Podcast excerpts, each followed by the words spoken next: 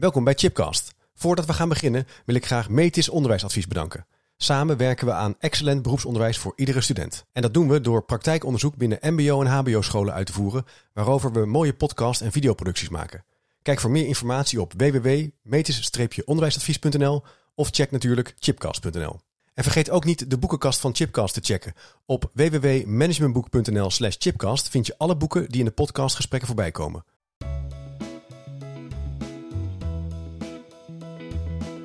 Welkom bij een nieuwe aflevering van Chipcast, een podcastserie waarin ik op zoek ga naar verrassende antwoorden en nieuwe perspectieven op vragen die mij bezighouden. En vandaag ben ik te gast bij Filip Westbroek in Haarlem. Hoi Filip. Hoi. Leuk uh, om hier. Uh, ja, dankjewel. We zijn te gast in jouw huis. Ja. Jij woont in de binnenstad van Haarlem. Ja. Uh, en we gaan het hebben over een, ja, misschien wel het beste boek ooit geschreven: Oorlog en Vrede. Ja. Vraag of je dat natuurlijk met mij eens bent. Nou ja, daar gaan we het over hebben. Daar gaan we het over hebben, ja. Ik laat jou de conclusie aan het eind van het gesprek. Kijk, leuk.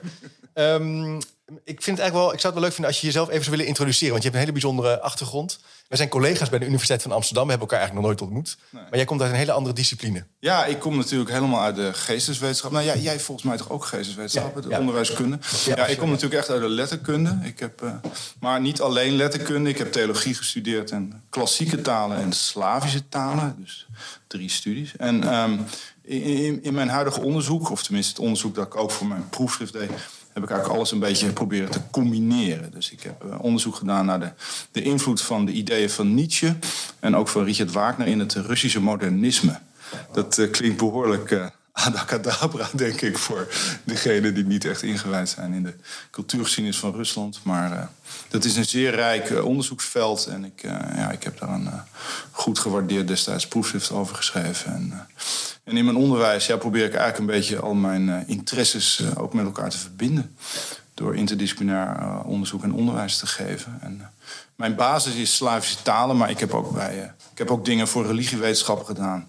Theaterstudies en ja, filosofie ook een beetje. En de Slavische talen, kan je dat nog eens uit? Wat bedoelen we, wat bedoelen, wat bedoelen we daarmee? Nou, dat is natuurlijk het Russisch. Ja, natuurlijk, ja. dus, ja de, we hebben in Amsterdam hebben een vakgroep Slavische talen.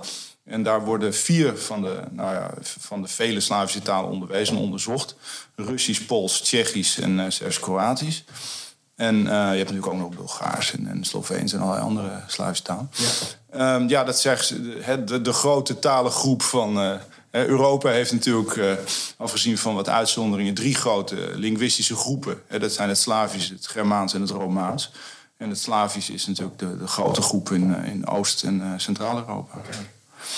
Dus, Interessant. Ja, dus dat... Dus ja, en, en, want ik, ik vind het heel leuk dat je de tijd wil nemen om het over dit boek te hebben. Want Oorlog en Vrede stond uh, bij mijn ouders thuis in de kast. En dat vond ik altijd een intimiderend dik ja. boek. Ja. Met hele kleine lettertjes. Dat was in zo'n zo'n specifieke editie. En ik vond op een gegeven moment in de Ramsch... Uh, ik, heb, ja, ik heb hem hier in leer gebonden voor volgens mij 4 euro. Oorlog en Vrede. En uh, ik had daarvoor een ander boekje van Isaiah Berlin gelezen... over de egel en de vos. En die noemde ook het werk van Tolstoy. En toen dacht ik, nu ga ik het lezen. En ik vond het echt een heel erg mooi boek. Ja. Maar uh, ik dacht ook terwijl ik het las... ik denk niet dat ik er alles nog uithaal... of dat ik alles begrijp hoe hij ja. het heeft opgeschreven. Want um, hij schrijft vanuit verschillende perspectieven. Het is aan de ene kant een soort...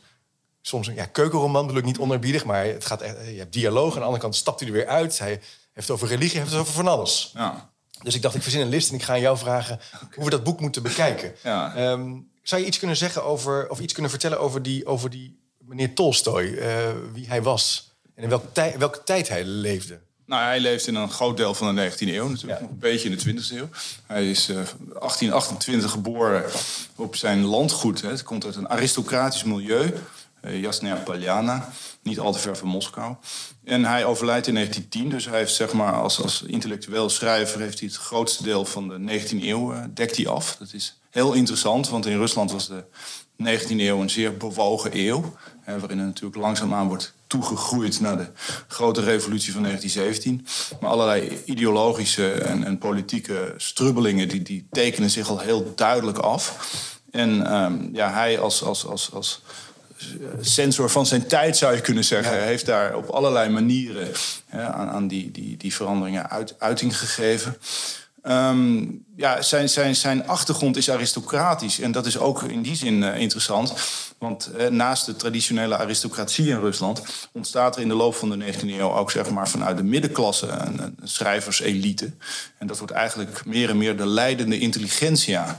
En de aristocratie die wordt eigenlijk in de loop van de 19e eeuw op, op cultureel vlak en op intellectueel vlak steeds meer verdrongen. Dus, dus het is ook een beetje iemand die, die zich moet zien te positioneren in een, in een maatschappelijk machtsblok dat, dat aan het afbrokkelen is. Hè? En, en, en dat is heel interessant. En dat heeft een hele interessante weerslag op zijn ideeën en vooral ook uh, activiteiten. Um, als je bijvoorbeeld Dostoevsky neemt, dat is, uh, die komt uit de middenklasse.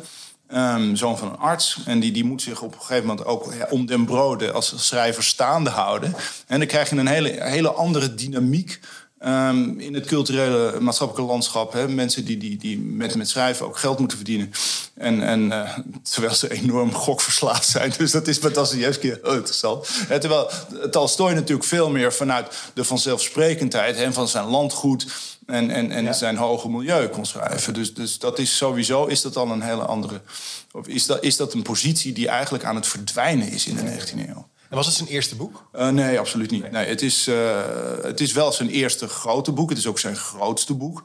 Uh, in, in, in de verschillende Russische edities of vertalingen is het bladzijtal zo rond de 1500. Ja. Dat is ook wel, ja, het is ook wel een van de grootste boeken in de 19e eeuw. En zelfs ook 20e eeuw. Um, het is nog wel eens nagedaan, ook in de 20e eeuw, uh, zeg maar een grote epische roman over een, een historische gebeurtenis. Bijvoorbeeld Michail Sholokhov, een Sovjet-schrijver, die heeft zo'n roman over de Russische burgeroorlog geschreven. En, uh, maar de, de, de, schaal waarop Tolstoy dit, uh, dit heeft aangepakt is ook voor zijn tijd wel ongekend geweest. Ja. ja. En um, het is niet zijn eerste boek. Hij heeft het wel redelijk vroeg in zijn carrière geschreven, van, tussen 1863 en 1868. Hij heeft er vijf jaar aan gewerkt. Uh, vervolgens nog, nog enige herzieningen in verschillende edities uh, gerealiseerd. Maar dat, uh, dat mag eigenlijk geen naam hebben. Maar het, het hoofdwerk dat, dat, dat, dat, voltrekt zich in een jaar of vijf ongeveer. Um, en daarvoor had hij eigenlijk kleinere dingen geschreven. in de jaren 50, een belangrijk werk uit de jaren 50 zijn de, de, de verhalen uit Sebastopol. Dat is gecentreerd in de Krimoorlog, waar hij zelf ook als militair bij betrokken was. Um, tussen 1854, 55, 56 is Rusland in conflict met, uh, met, met, Engeland, Frankrijk en het Ottomaanse Rijk. Ja. Het gaat eigenlijk over de, over de, de machtsinvloed van, van het Russische keizerrijk in, in, in de gebieden van het Ottomaanse Rijk dat, dat aan het afbrokkelen is. En, en de Engelsen en de Fransen die willen niet dat de Russen te veel te zeggen krijgen in de territoria die tot het Ottomaanse Rijk hadden behoord. En uh, besluiten daarbij uh, de Russische, het Russische leger in, in zijn centrum aan te vallen op de, op de Krim. En, en dat, dat, dat, dat, leidt tot een enorme heftige oorlog. Die, die ook Tolstoy's belangstelling voor oorlog, wat later in Oorlog en Vrede wordt uitgewerkt, ook heel, heel sterk getekend heeft. Um, dus dat is een hele belangrijke persoonlijke ervaring van hem geweest. Ik, ik kan daar straks nog wat meer over zeggen. hij was ook een soldaat? Hij heeft echt gevochten? Soldaat, Hij heeft gevochten, zeker, zeker. En um, hij heeft als soldaat ook in de Caucasus gediend. En, en dat was een, een plek het Russische imperium, dat is natuurlijk, uh, ja, dat, dat is in de loop der eeuwen wel eens in, in, in grootte veranderd, zou je je kunt ja. voorstellen. En uh, zo is Siberië natuurlijk veroverd hè, vanaf de vroegmoderne tijd. Maar de Caucasus is in de 19e eeuw is, is, is, is een belangrijk grensdomein van, van, van het Russische keizerrijk. Ja. Waar de Russen steeds meer gebied proberen te, te winnen en invloedssfeer proberen te creëren. Ten koste van heel, heel veel moslimminderheden die daar, die daar leven. Um, en heel veel uh, jonge officieren en, en, soldaten, zeker uit de aristocratische kringen, die werden daar naartoe gestuurd om, om daar enige jaren te dienen. Ja. Um, en, en, en, en, dat gebeurde al eerder, een generatie eerder. Ook uh, iemand als, uh, als Lermontov, die, die, die ging daar al naartoe in de jaren 1830. Um, en dat is uh, een heel interessant cultureel gebied eigenlijk. Hè. Dat is voor de Russen, hè, vanuit de beschavingscentra... is dat een soort exotische wereld van, ja. van bergen en exotische volkeren. En, en de hele Russische romantiek heeft een soort beeld van uh, ja, een soort Oriëntaals, exotisch, mystiek beeld van de Caucasus uh, gecreëerd. En uh, Tolstoy die, die, die, die, die, die is daar ook geweest. En het grappige is, als je dan kijkt hoe Tolstoy... die, die is dan ook al aan het schrijven. Hij is, is vrij snel gaan schrijven. Um, hoe, hoe je dat, dat beeld van die Caucasus uh, neerzet. En hoe je een soort, soort conflict krijgt tussen enerzijds dat erfgoed van de romantiek, waarin die Caucasus ja. zeg maar een soort vreemde, de wereld van de ander, die wordt geromantiseerd. Hè, waarin nog echte mensen wonen, zeg maar, die niet door de cultuur oh verdorven zijn. weet je, Bon Sauvage, idee van Rousseau. En nou, al, al dat soort romantische dingen natuurlijk. Rousseau, verlichtingsdenken, maar goed, die ideeën die zijn natuurlijk in de romantiek heel productief ook geworden. Um, en... Um, maar tegelijkertijd ook gewoon met de werkelijkheid van die wereld geconfronteerd wordt. Uh, en en, en dat, dat is heel interessant. Want um, wat de Russische literatuur interessant maakt in de 19e eeuw... is zeg maar de, de, een beetje schurende overgang van, van de romantiek... naar, naar de periode van het realisme. Ja. En, um, Kun je het eens uitleggen, die, die overgang? Wat... Nou ja, die, de, de, romantiek is, is, is natuurlijk een. een, een, een de Russische. Laten we stellen, de, de Russische literatuur is groot geworden in de romantiek. Um, waarin um, in, de, in, in het begin van de 19e eeuw Pushkin, de grote eh, schrijver in de Russische literatuur, uh, iets jongere tijdgenoot uh, Lermontov, dat zijn de grote dichters die de Russische literatuur hebben geëmancipeerd, zou je kunnen zeggen, tot, tot een originele nationale literatuur. in de 18e eeuw was de Russische literatuur, zoals heel veel andere Europese literaturen, heel, heel imitatief. imiteerde de, de, de, Franse hofpoëzie, de Franse hoftoneelwerken. En, eh, en, en was allerminst origineel, zou je kunnen zeggen.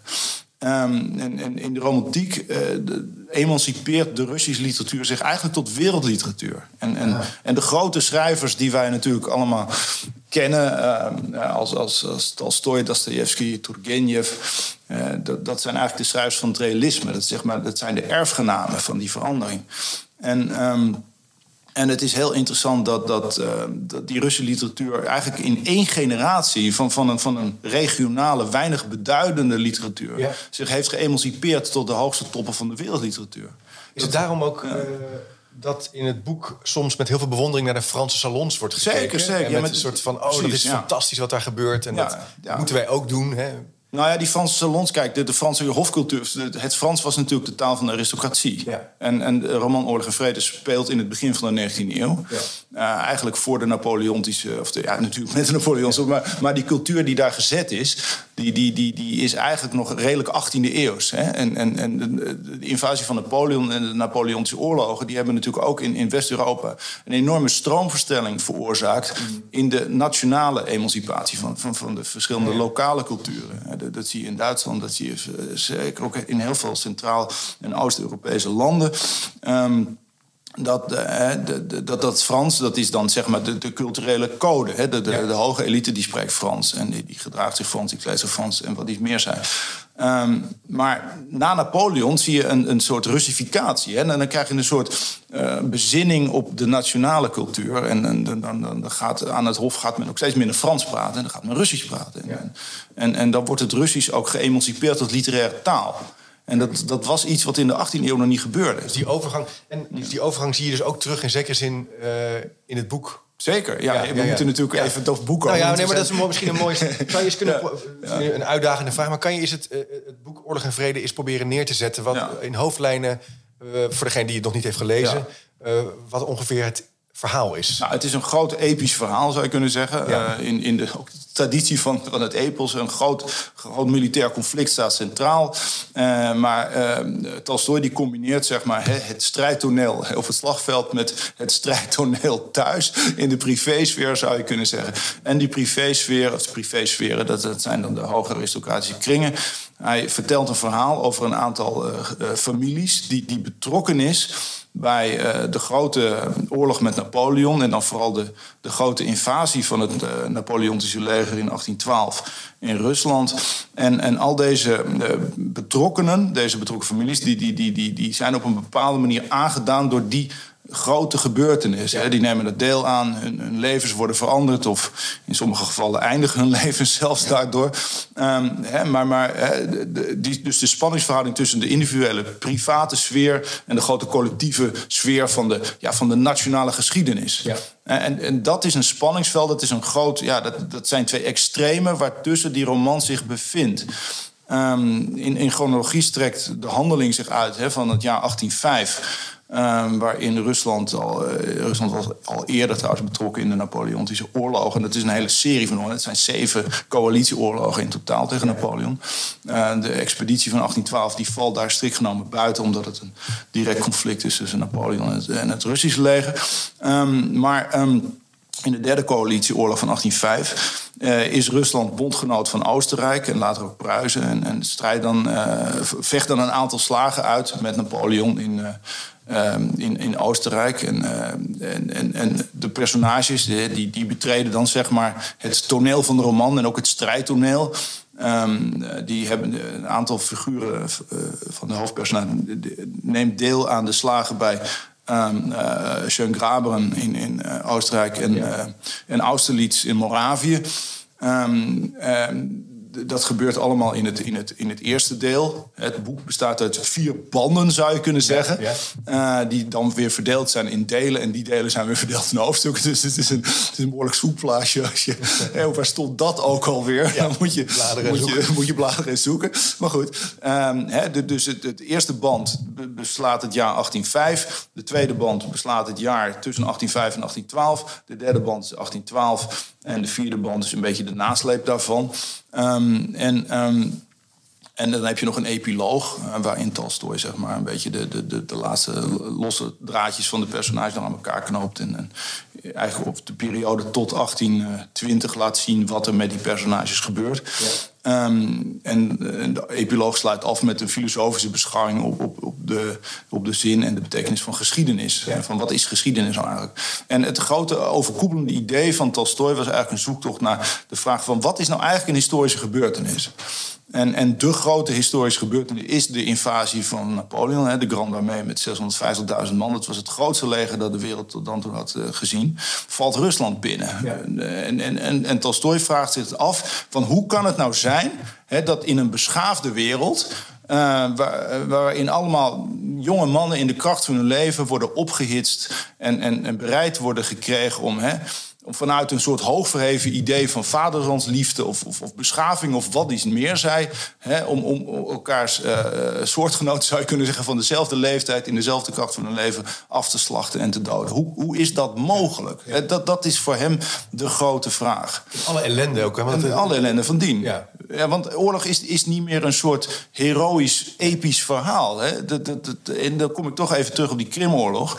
Uh, vanaf de, de Krimoorlog is eigenlijk de eerste oorlog die door moderne communicatiemiddelen wordt verslagen. Ja. Via de Telegraaf uh, hebben krantenlezers overal in Europa. Hè, vanaf de 18e, 19e eeuw is natuurlijk de hele mediacultuur is een cultuur van de krant. Hè, waarin je dagelijks nieuws hebt. Tegenwoordig met sociale media is, is dat nog, nog heftiger. Maar hè, dan kun je echt op de seconde af kun je dingen volgen. Uh, maar um, in de dat is een hele belangrijke sociale verandering. Waardoor zeg maar, oorlog kon, kon zich niet langer verbergen achter een soort heroïsch aureool van, van heldhaftigheid en, en allerlei hooggestemde waarden. Nee, het was gewoon verschrikkelijk. Mensen slachten elkaar af. En, en, en dit werd duidelijk in de Krimoorlog. Eh, omdat, hè, dat is de, na 1850, rond 1850 wordt de, de telegrafie ontwikkeld. Zeg maar, het, het eerste moderne communicatiemiddel zou je kunnen zeggen... na de, na, na de postkoets, bij wijze van spreken. Ja. En zo kon ieder krantenlezer in Parijs en Londen en, en Moskou en waar ter wereld... kon dagelijks de vreselijke verschrikkingen op het slagveld mee, meemaken. Dat kon je niet langer verpakken in een... Dat kon niet langer betijen. dat was real-time informatie. En uh, je krijgt dan ook... Uh, het wordt dan ook duidelijk voor, voor, voor, voor, voor de publieke opinie. Dat bijvoorbeeld op slagvelden heel veel mensen gewoon doodgaan door gebrek aan medische zorg. Ja. En dan krijg je en, het bekende verhaal natuurlijk van Florence Nightingale, een, een, een Britse feministe uit de 19e eeuw, een, een, een, een, uh, verpleegster, die, die gaat dan ook naar Istanbul om, om Engelse gewonden te verzorgen enzovoort. Want het werd gewoon ook in de statistieken duidelijk dat, dat, dat de meeste mensen vallen niet op het slagveld. Nee. En, en, die, worden, die krijgen luizen en die worden ja, ziek onderweg. Hygiëne, slechte verzorging, en echt een veelvoud van het ja. aantal oorlogsslachtoffers. Ja. Valt in de, in, in de tijd na, of, of misschien voor de veldslagen. Ja, maar ook wel het, in het boek wat zo treffend is omschreven... de totale wanorde. Ja, in zekere zin. Tuurlijk. De totale chaos. En wanneer de, wanneer de veldslag ook begint, is ook niet echt duidelijk. Mensen lopen er naartoe en op een gegeven moment ja, het is Wordt er geschoten en in één keer is Ja, het begonnen. precies, ja. En dan is het ook in één keer weer voorbij. Ja, het is heel maf. Dit is het perspectief, zeg maar het individuele perspectief Ja. eh, van het subject, van, van diegene met wie wij ons kunnen identificeren, ook als lezer. Dat doet Tolstoy op, op, een, op een meestelijke Ja. manier natuurlijk. We, we kijken door de ogen van betrokkenen. Ja. En ook door de, eh, de ogen van de onwetende betrokkenen. Nou, wat er, oh, en dan zijn ze in Smolensk bijvoorbeeld. Hè, de eerste grote slag, als, als Napoleon de, de Memel oversteekt. Hè, dan rukt hij op naar, naar Moskou, want dat is natuurlijk het hoofddoel.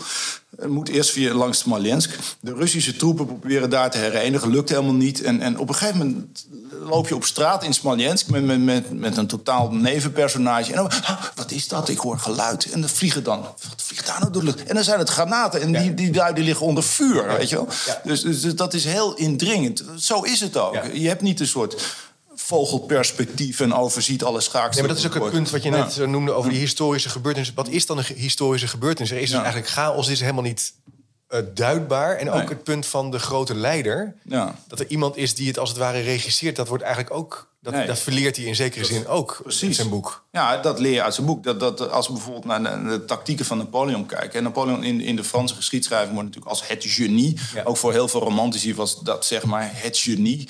Eh, Hegel noemde dat de, de, toen bij de slag bij Jena zei Hegel eh, in 1806 van... dat zei je den Weltgeist auf den Rücken eines Pferdes. Hè, de wereldgeest op de rug van een paard. Dat was de Napoleon. Hè, de, de grote belichaming Ja. van, Ja. van hoe, hoe zeg maar, hè, de kaarten worden geschud, gesproken. Maar wat Tolstoy ervan maakt, is totaal ander beeld. Dat, dat, als je bijvoorbeeld, hè, je- er is heel veel, wordt heel veel over strategie gesproken en, en krijgsraad. En we gaan het zus doen, we gaan het zo doen. Maar heel veel ging totaal anders. Ja, totaal, en, ja. en ook de mensen die daar rondliepen op die slagvelden.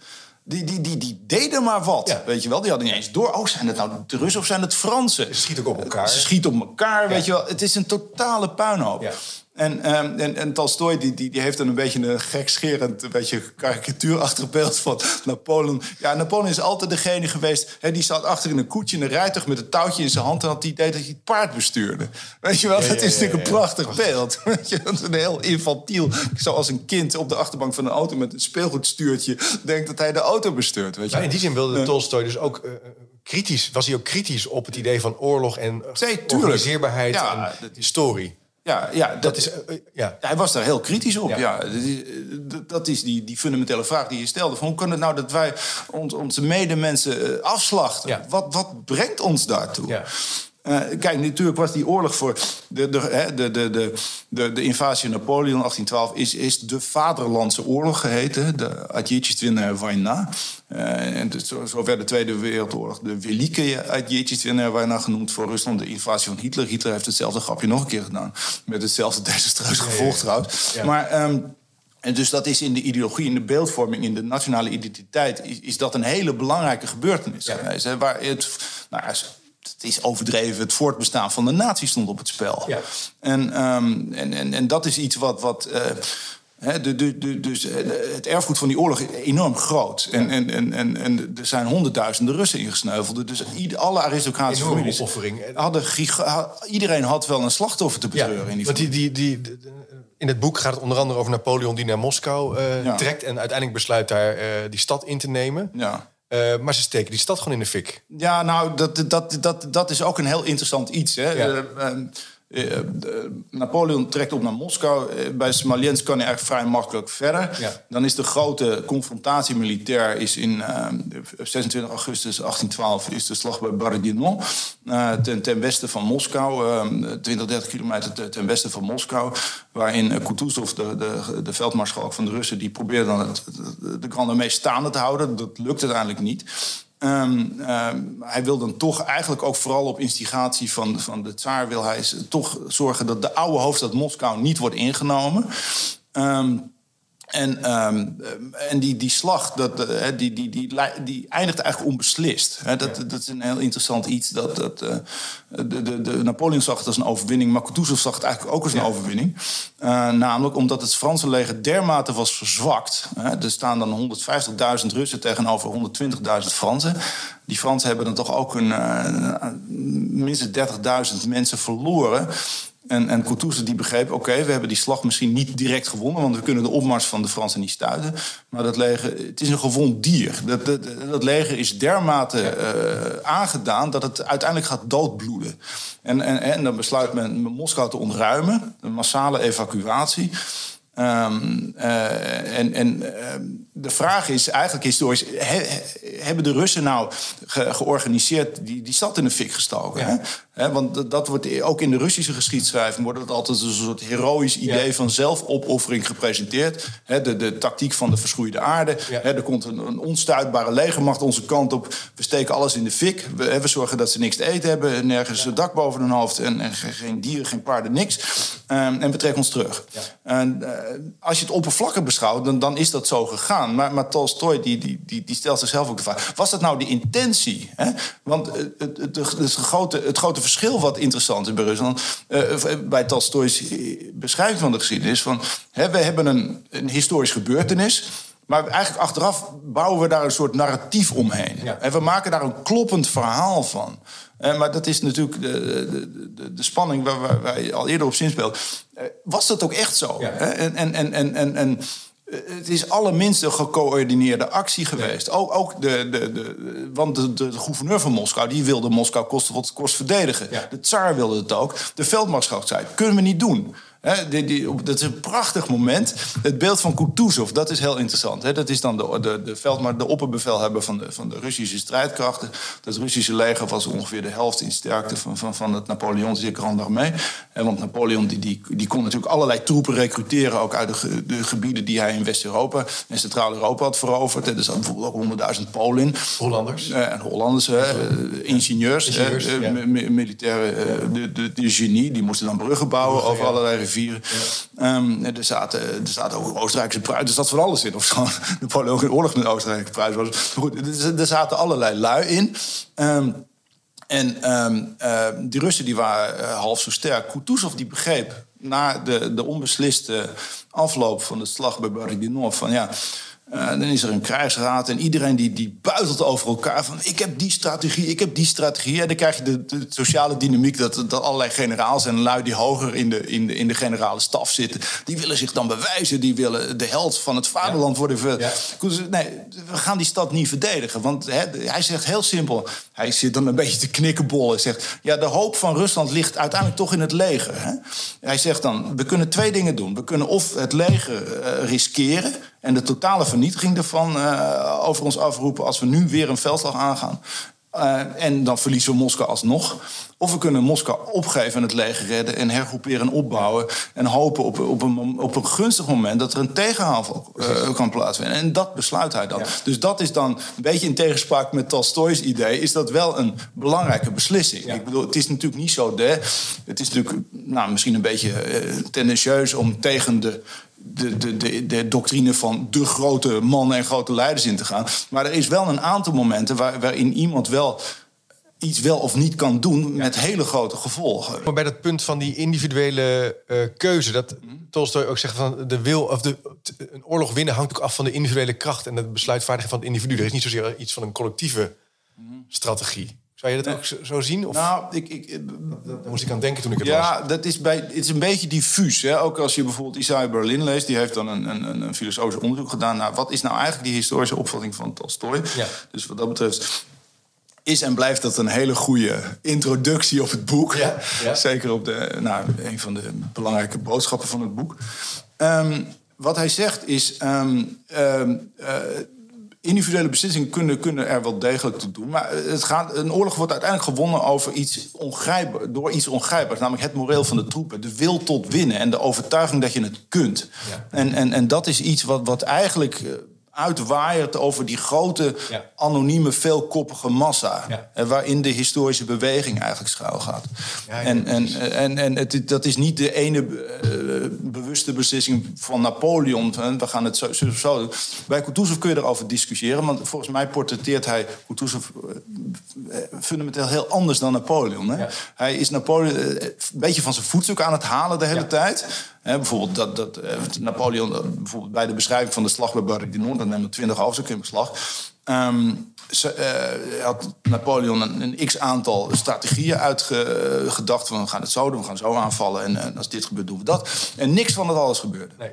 Um, dus het, Napoleon was trouwens ook verkouden. Hij was er zelf niet bij, zeg maar. Dus in tegenstelling tot Austerlitz, waar hij zelf natuurlijk wel bij aanwezig was. Ja.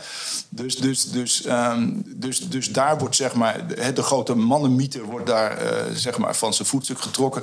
Maar op een, op een, op een, op een hele um, charmante manier wordt eigenlijk wordt, wordt Kutuzov ook wel, wel weer een beetje op een soort, nou niet op een voetstuk, maar uh, Kutuzov wordt zo neergezet alsof hij degene is die zeg maar dat onbewuste van de massa en, en het onafwendbare van, van de logica der gebeurtenissen het beste doorzag en begreep. En, en op grond daarvan, he, dus door die nauwe verbondenheid met, met het onderbewuste van het volk, zou je kunnen zeggen, wist wat hij op het goede moment moest doen. Maar het is ook heel, want in, het, in het boek heeft hij het ook heel moeilijk, toch? Want hij krijgt constant kritiek. Hij krijgt alleen maar kritiek. gezeik. Ja, het, alleen maar kritiek en gezeik. Maar, maar hij wordt wel neergezet hè, op het moment van het opgeven van Moskou. Dat, dat is wel een hele belangrijke beslissing geweest.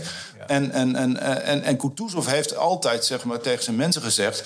Um, kijk, Kutuzov begreep op een zeker moment dat het Franse leger dodelijk gewond was. Dat was een gewond dier. En hij, hij zegt op een gegeven moment: ja, waarom zouden wij nou zinloos en alleen maar voor onze persoonlijke eer nog slagen aangaan met iets wat toch al aan het vertrekken is. Ja, ze, gaan, ze achtervolgen eigenlijk. Ze achtervolgen eigenlijk. de, de, Fransen die weer terug proberen te komen naar eigen grondgebied. Die, die zitten vijf weken in Moskou. Napoleon is er niet in geslaagd, ondanks zijn beste bedoelingen waarschijnlijk om toch een zekere civiele orde te creëren.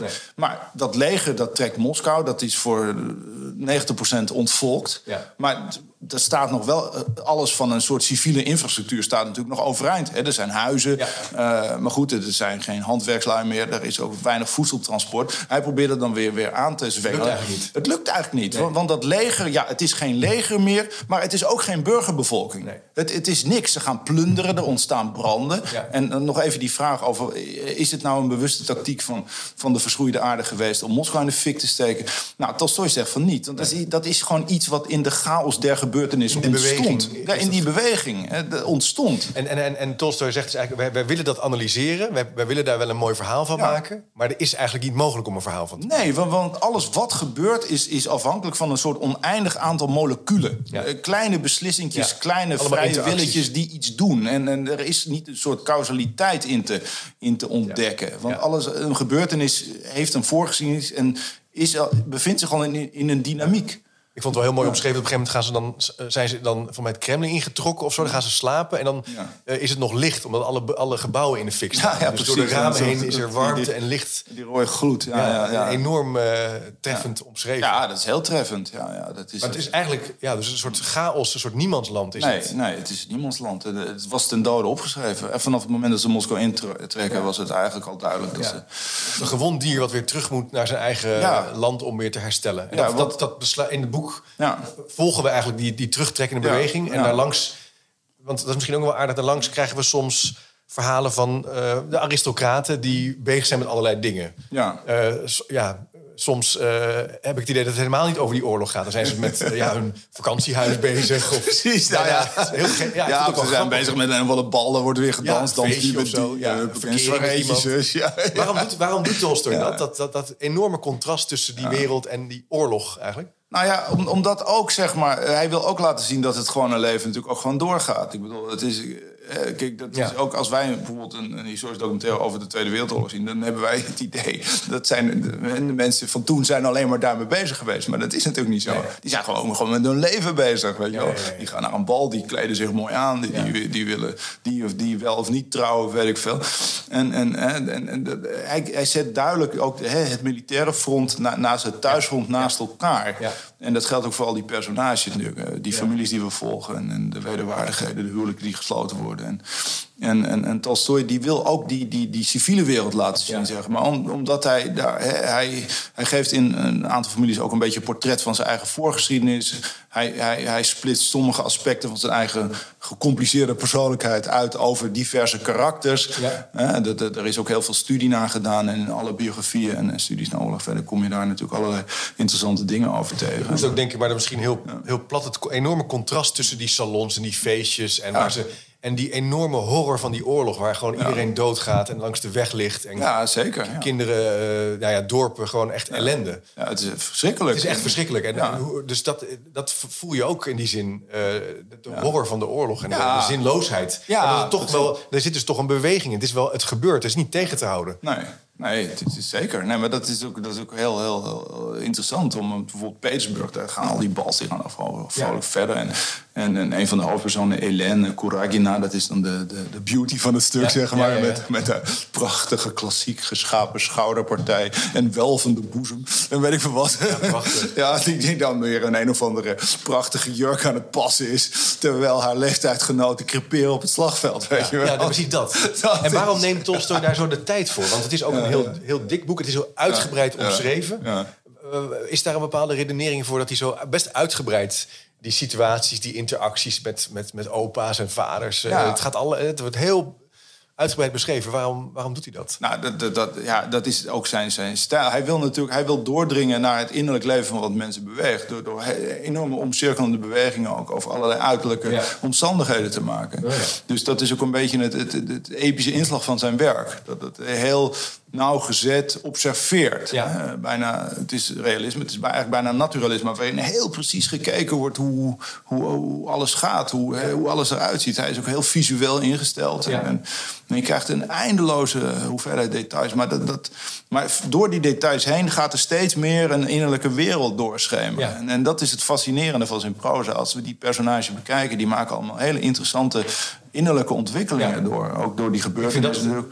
Daarom zou ik toen ik het toen ik het las, dacht ik, dit is echt een fantastisch boek. Omdat je het zo zichtbaar, je voelt het, eh, je voelt die, die beweging die, die ik nog niet helemaal begreep. Maar je voelt iets, er is iets gaande. Hij wil je iets vertellen wat veel meer is dan, alleen die situatie. En uh, de verhalen zijn heel visueel opgezet. Die, die oorlogssituaties, ja, je, of je ertussen staat. Ja, ja zeker. Dus is ook een, maar, en, en, maar hij stapt af en toe ook weer uit mhm. die rol van uh, verteller... Mhm. of uh, van, van medestaander in die oorlog naar een soort filosoof... of soms zelfs religieus. Dan gaat hij abstraheren en dan gaat hij over de zin van geschiedenis... over de vrije wil, over wat bepaalt dan historische gebeurtenissen. Gaat hij op heel veel, zeker in het derde en het vierde, derde en de vierde band... Uh, gaat hij, gaat hij steeds ja, gaat hij na van ja, wat is er nou eigenlijk gebeurd? Hoe kunnen we daar en hoe zien wij dat? Hè, Dat is ook heel belangrijk, zeg maar, in de situatie na, na Napoleon. Uh, is natuurlijk ook voor de Russische ideologie is dat heel belangrijk geweest. Want Rusland positioneert zich zeg maar, als een soort redder van Europa. Hè. De, de, de Russen die marcheren op, in, uh, op een gegeven moment Parijs ook binnen. En, en die worden een van de belangrijke gesprekspartners met, met, met Metternich aan de onderhandelingstafel uh, tijdens het congres van Wenen 1814, 1815, waarin de kaart van Europa natuurlijk weer opnieuw wordt uh, ingedeeld. En um, dus uh, zeg maar voor de prestige van de keizerlijke macht is dit een hele belangrijke uh, fase in de geschiedenis geweest. Die vervolgens ook weer afbrokkelt. In 1825 heb je een, een kleine revolutie in Rusland gehad. Uh, de, de, decemberopstand of de decabristenopstand.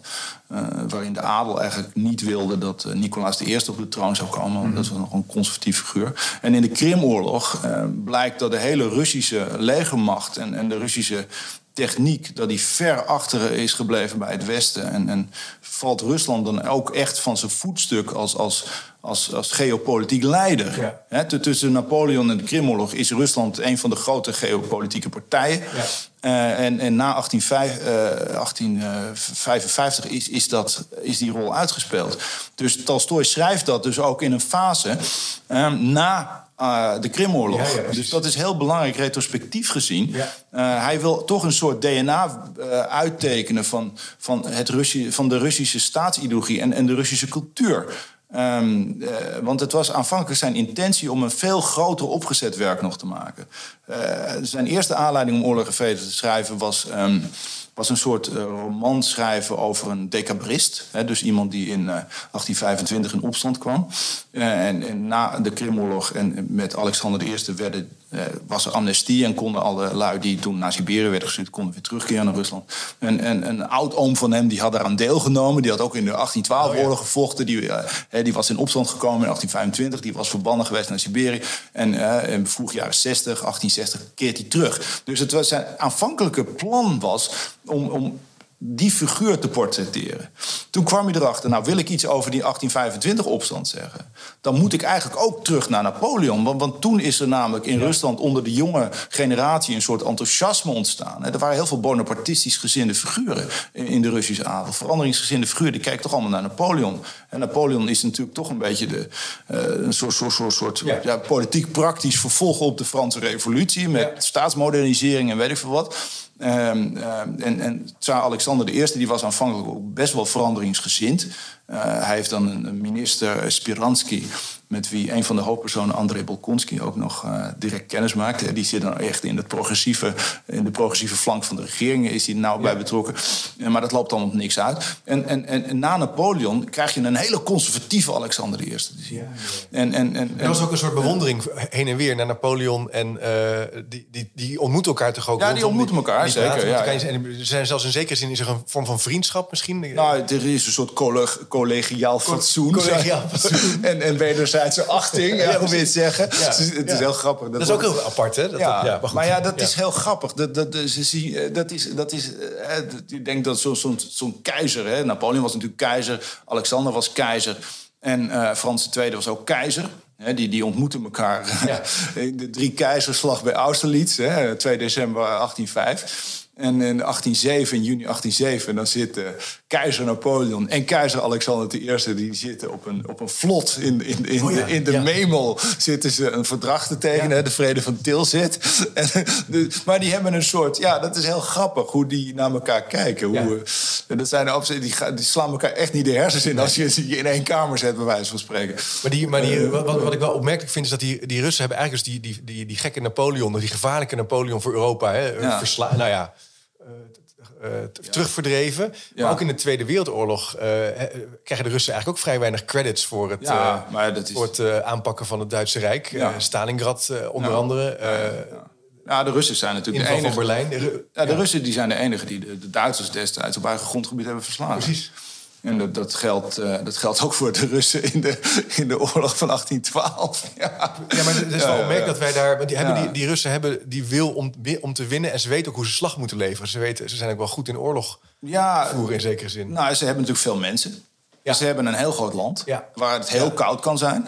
En, en, en, zeker in de tijd van... Dat was wel iets wat Napoleon had onderschat. Of schoon Franse historici zoals Adolf Thiers... die beweren dat, dat die er wel rekening mee had gehouden. Maar Napoleon had natuurlijk veel te weinig rekening mee gehouden. Dat Rusland enorm groot was. En dat je gigantische bevoorradingsroutes uh, krijgt. Ja, dat, dat, is niet meer in stand te houden. ik heb die biografie van Napoleon de Grote uh, gelezen... die wel vorig jaar uitkwam. Het gaat ook over dat al die mensen... Uh, krijgen allerlei ziektes onderweg ook. Tuurlijk, hè? Luizen en dysenterie. dysenterie verschrikkelijk. Tienduizenden mensen gingen gewoon in die... In die, die gingen ja, kan niet voorstellen. in de opmars dood. Hè? In, in, de zomermaanden, als het regent en als er geen eten is... en, en slechte hygiëne, gingen al tienduizenden mensen op weg naar Moskou gingen dood. In de zomer. En dan ging er nog eens de zoveel dood op de terugweg in de winter.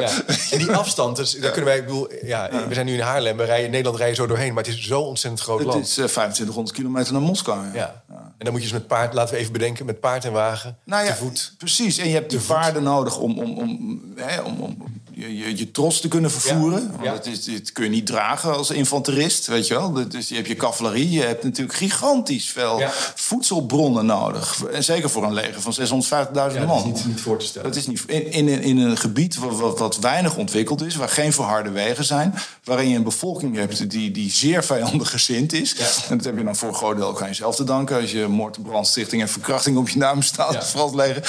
dus, dus je maakt het jezelf natuurlijk behoorlijk onmogelijk. En dat is wat Tolstoy ook, ook zegt. Van, uh, die, die, die, die grote invasie, die had alle kiemen van zijn eigen ondergang, droeg hij al in zich. Weet je wel. De eigenlijk de beweging was, was al gaande. Die is, ja, die, maar waar die, precies is begonnen, wie het in gang heeft gezet is eigenlijk niet te bepalen. Het is een, een soort collectieve beweging en niet een in, hangt niet af Zeker niet van individuele acties. Nee, nee, nee, nee, nee. nee. Met als enige onderscheid natuurlijk toch die beslissing van Kutuzov.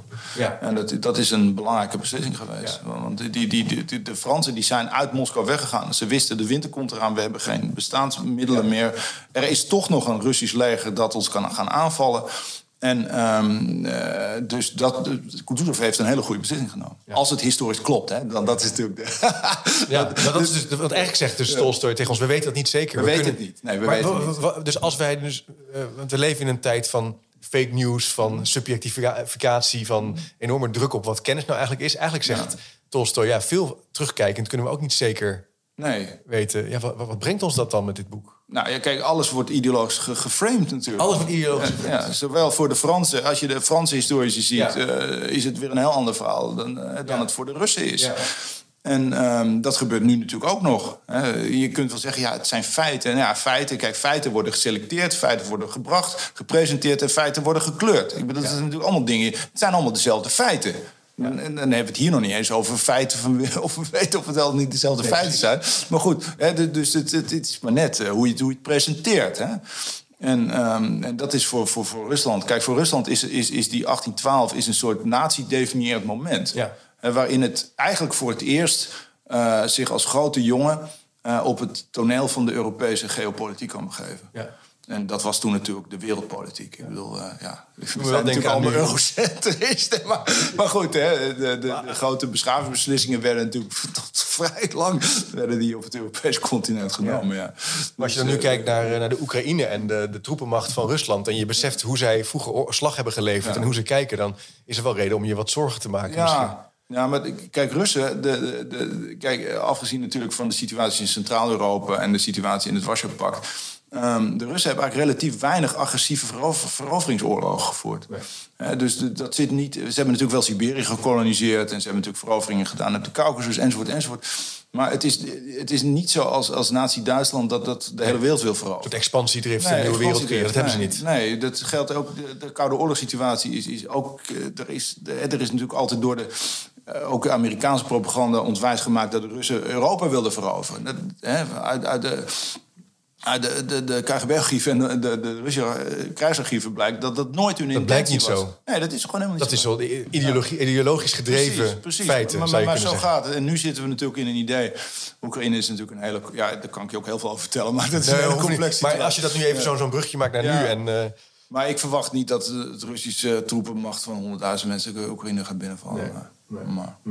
Dat is een beetje powerplay tussen Poetin en het Westen. Geschonden ja. belofte van de NAVO. Weet je, dat is een precies. hele complexe situatie. Daar kunnen we helemaal over praten. Maar dat is. Ja.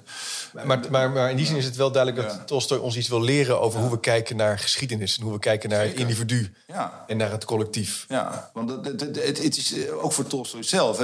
dat is dan even op die egel en die vos uh, ja, Van Isaiah Berlin. Ja. ik weet niet of de meeste mensen zo Isaiah Berlin denk ik niet kennen. Nee, ik denk niet. Ik zal een linkje plaatsen op de website. Dat je er even naar kan toe gaan. Dat is een heel leuk dun boekje over ben je nou een egel of ben je nou een vos? Precies. En, en de, de, de, de egel die, die, die weet één groot ding. Hè. Die ja. bekijkt de wereld vanuit een soort ja, uh, holistische visie. Ja. En de vos die is veel opportunistischer en die, die weet van alles. Die heeft vele streken, zou je kunnen zeggen. Ja, precies, precies. En die, die, die, die staat... je zou oppervlakkig beschouwd kunnen zeggen dat... Uh, en dat, dat, de, de, de egel, die, dit is een, een soort monist. Die, ja. die denkt van de wereld is dus en zo.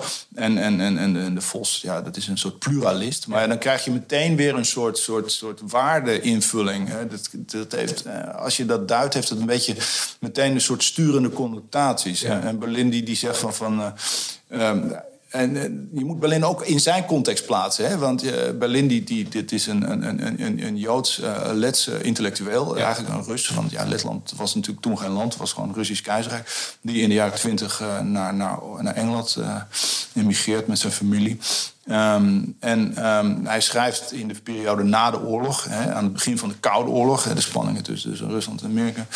En um, in sommige werken van hem, uh, ook Two Concepts of Liberty, zit een beetje in een tendens van... Ja. de, de communisten, dat zijn, dat zijn de grote boze egels. En, en, en, wij zijn de realistische, pluralistische, democratische vossen. Dus dat, dat moet je een beetje voor je, je, plaatst, maar, maar, maar wat zei hij nou over Tolstoy dan? Nou, dat, dat... Tolstoy die wilde graag een egel zijn, maar die, die bleek toch een vos te zijn. Precies. Dat is een beetje zijn punt. Dan word je niet gelukkig ook, hè? Als je dus de ander wil zijn. Ja, nee, precies. Toch? Dat is ook een punt. Nou, hij, wilde, hij, kijk, hij heeft een hele leven naar een soort, soort unificerende visie op de werkelijkheid gezocht. Ja. Maar door zijn realiteitszin kon hij, werd hij steeds daarin gefrustreerd. Dat is een beetje het verhaal van Berlin. Uh, een soort onderliggende ja, spanningsverhouding die hij eigenlijk nooit heeft weten op te lossen. Maar je kan dus eigenlijk geen universele waarheid vinden. Dus als je, dus, als je nu luistert en je probeert het met onderzoek te doen, of, ja. dan word je ontevreden. Misschien moet je dus dan soms meer proberen een vos te zijn. Ja, maar, ja, maar dan krijg je dus inderdaad een soort promotie van, van de vos ten koste van, weet je. Berlin zegt, ja kijk, grote vossen, dat waren Plato en Dante en weet ik veel. En dan Dostoevsky. Nou, ik zou die, die sorry, grote egels waren Plato, Dante, Dostoevsky. Nou, ik zou ze niet willen missen. Weet je wel? dus, dus, soms wil je echt iets... Ze brengen vaak een belangrijk Precies. perspectief. En dat, dat, kan dan in eenzijdigheid terugvallen. Maar als iedereen een vos is, dan gebeurt er nooit wat. Weet je wel? Dus, dus zo, zo kun je het ook zien. Hè? het is wel een leuk denk aan als je nu luistert... ben ik nou een egel of ben ik nou een vos? Uh, dus, uh, leuk, Philippe. Kunnen we eens... Um, Kijk, ik word alleen nog maar enthousiaster als ik met jou over dit boek uh, spreek. En ik vind het zo ontzettend leuk dat je uh, uh, zoveel parate kennis hebt... ook om even die militaire en die landelijke mhm. spanning en bewegingen te duiden... gekoppeld aan wat die Tolstoy nou eigenlijk mhm. wilde brengen met dit boek... en je toen wilde uitdagen. Dat voel je wel als je het al leest. Dus in die zin zou ik iedereen willen oproepen om het te lezen. Want ik was er altijd een beetje bang voor. Klinkt een beetje gek, maar van... oh, een dik boek, ingewikkeld, zou ik wel niks van snappen. Maar het is een heel toegankelijk boek in zekere zin ook. Ja. Maar je bent er ook zeker niet mee klaar. Ik ga het denk ik nog een keer lezen als je het ja, niet wil. nou, ik heb het verschillende keren gelezen. lezen is herlezen. Nou, het zijn van die vrienden voor de rest van je leven. Weet je, wel. je, je kunt het op alle leeftijden lezen en, en, steeds weer nieuwe dingen erin zien. Fantastisch. En, en um, als we nou kunnen, zouden kunnen zeggen, ja, misschien is dit wel een van de beste boeken? He, zoals ja, komt toch je vraag. ja. Is dit nou het beste boek? Wat, nou, het is een heel goed boek. Laat heel goed boek. Ja. ja. ik ben zelf, kijk, ik ben zelf een Dostoevsky-fan altijd geweest. Ook, ook vanuit mijn studie theologie en zo. Kijk, Dostoevsky zegt een egel. En om nog even op Berlin terug te komen, kan ik je ook wel zeggen. De, de, de centrale gedachte bij, bij Dostoevsky is altijd zeg maar een soort spirituele dood en opstanding. Ja. Daar zit een soort dynamiek in. Je gaat psychisch en emotioneel en spiritueel ga je helemaal naar de Filistijnen. Maar dan ga je door een proces van catharsis catharsis heen en dan sta je, op. Dan sta je weer op. dus het model voor, voor Dostoevsky is echt de tragedie. Zoals de Griekse tragedie. Die gaan helemaal naar de verdommenis. Uh, schuld, en, schuld en boete, de, moord, de moord en de goed op de vader en, en weet ik veel wat. dus al die personages die gaan op eigen manier allemaal... Een heroïsche uh, route, wederopstanding. Ja, wederopstanding. Ja, maar het is dan bij Dostoevsky ook zeg maar, christelijk ingevuld. Hè, de, kruisdood, hè, daar gaat het bij hem de hele tijd om. Uh, de, de, ultieme lijden en ellende en dan op een bepaalde manier gelouterd uitkomen. Um, Tolstoy is veel met de epicus. Hè? Die, die, die, die, is de epische dichter. Die, die is, dus wat dat betreft, hoe moet je oorlog en vrede nou noemen? Is het een geschiedkundig werk? Is het een roman? Is het een epos? Een filosofieboek? Ja, daar kun je eindeloos over discussiëren natuurlijk. Daar was hij zelf ook helemaal niet uit. Um, maar hè, dus, dus, dus die bekijkt veel meer um, op een vosachtige wijze, zeg maar, de, de pluriformiteit. Het is een ander soort boek. Ja, het is een ander soort boek, ja. En, en, en, en, sommige, kijk, um, ik, eh, toen ik zeg maar na heel veel lectuur van Dostoevsky weer eens Tolstoy ging lezen, moest ik daar best wel aan wennen. Ja. Uh, dat, uh, dat, bij Dostoevsky gaat het eigenlijk heel weinig over uitwendige gebeurtenissen. Het gaat echt alleen maar om het innerlijk. Ja. Je weet vaak ook helemaal niet hoe mensen eruit zien bij Dostoevsky. Nee, dat, gaat, wordt helemaal niet omschreven. Hier weer wel. zijn er lang. Hier, hier heel mooie veel. rug, ranke schouders. Mooie ranke schouders. Weet wat. Mooi uniform. Ja, precies. Maar eigenlijk zeg je, begin jij gewoon uh, een, een lans te breken om Dostoevsky misschien wel... nou ja. ja, god ja. Maar goed, kijk, het, het interessante... Kijk, dingen worden ook interessant doordat je ze naast elkaar plaatst is misschien eh, iets wat, wat heel leuk is, wat je dat zo toevoegt. Eigenlijk zeg jij, um, uh, zet er een boek naast en ga dan eens kijken. Precies. Maar laten we dan eens nog een, nog een keer... Uh, zou ik je nog een keer mogen uitnodigen om over Dostoevsky in, uh, in gesprek te gaan? Want ik heb die boeken ook gelezen. Dat is wel weer een tijd geleden in, mijn, in, mijn, in mijn studietijd. Dat zijn fantastische boeken. Maar inderdaad, het is leuk hoe jij daar eh, anders geschreven, innerlijker. Eh, eh, ehm, de catharsis. Nou, wie weet. En laten we dan kijken of we na, na podcast 2 eruit zijn. Maar in ieder geval, Filip, um, dankjewel voor je tijd. Ontzettend leuk om met jou hierover in gesprek te gaan. Ik denk nog niet dat we helemaal klaar zijn. Nee, nog lang niet. Alle vragen, maar we hebben wel een groot deel van de, van de, van de gespreksthema's, denk ik, besproken. beste luisteraar, ik zou zeggen Oorlog en Vrede van Lev Tolstoy. Ik heb het gekocht in een tweedehands boekhandeltje voor 4 euro en een gebonden editie. Daar word je helemaal blij van. mag ik een vertaling aanbevelen. Oh, ja. Er is een hele goede Nederlandse vertaling... een jaren 15 geleden gemaakt door twee dames... Um, Jolanda Bloemen en ja. uh, God, uh, Marja Wiebes, geloof ik. Die, die, is een ontzettend goede vertaling. Kijk. Heel vloeiend Nederlands vertaald... met een heel handzaam registertje van alle personages aan het eind. En een, een, een, samenvatting ook van de handelingen over de verschillende banden en delen. Dus dat kan ik echt iedereen aanbevelen. Kijk, die gaan we even erbij plaatsen. Ik heb dit boek, deze editie is van de Reader's Digest. Dus het is waarschijnlijk echt niet de beste vertaling. Maar ja, uh, dan hebben we in ieder geval... Even een, digestief wijntje moet je dan achteraf nemen om het te te verwerken. Ja. Maar goed, als het, als het werkt, werkt het. Maar eh, kijk, we gaan die nieuwe die, die vertaling plaatsen er even bij.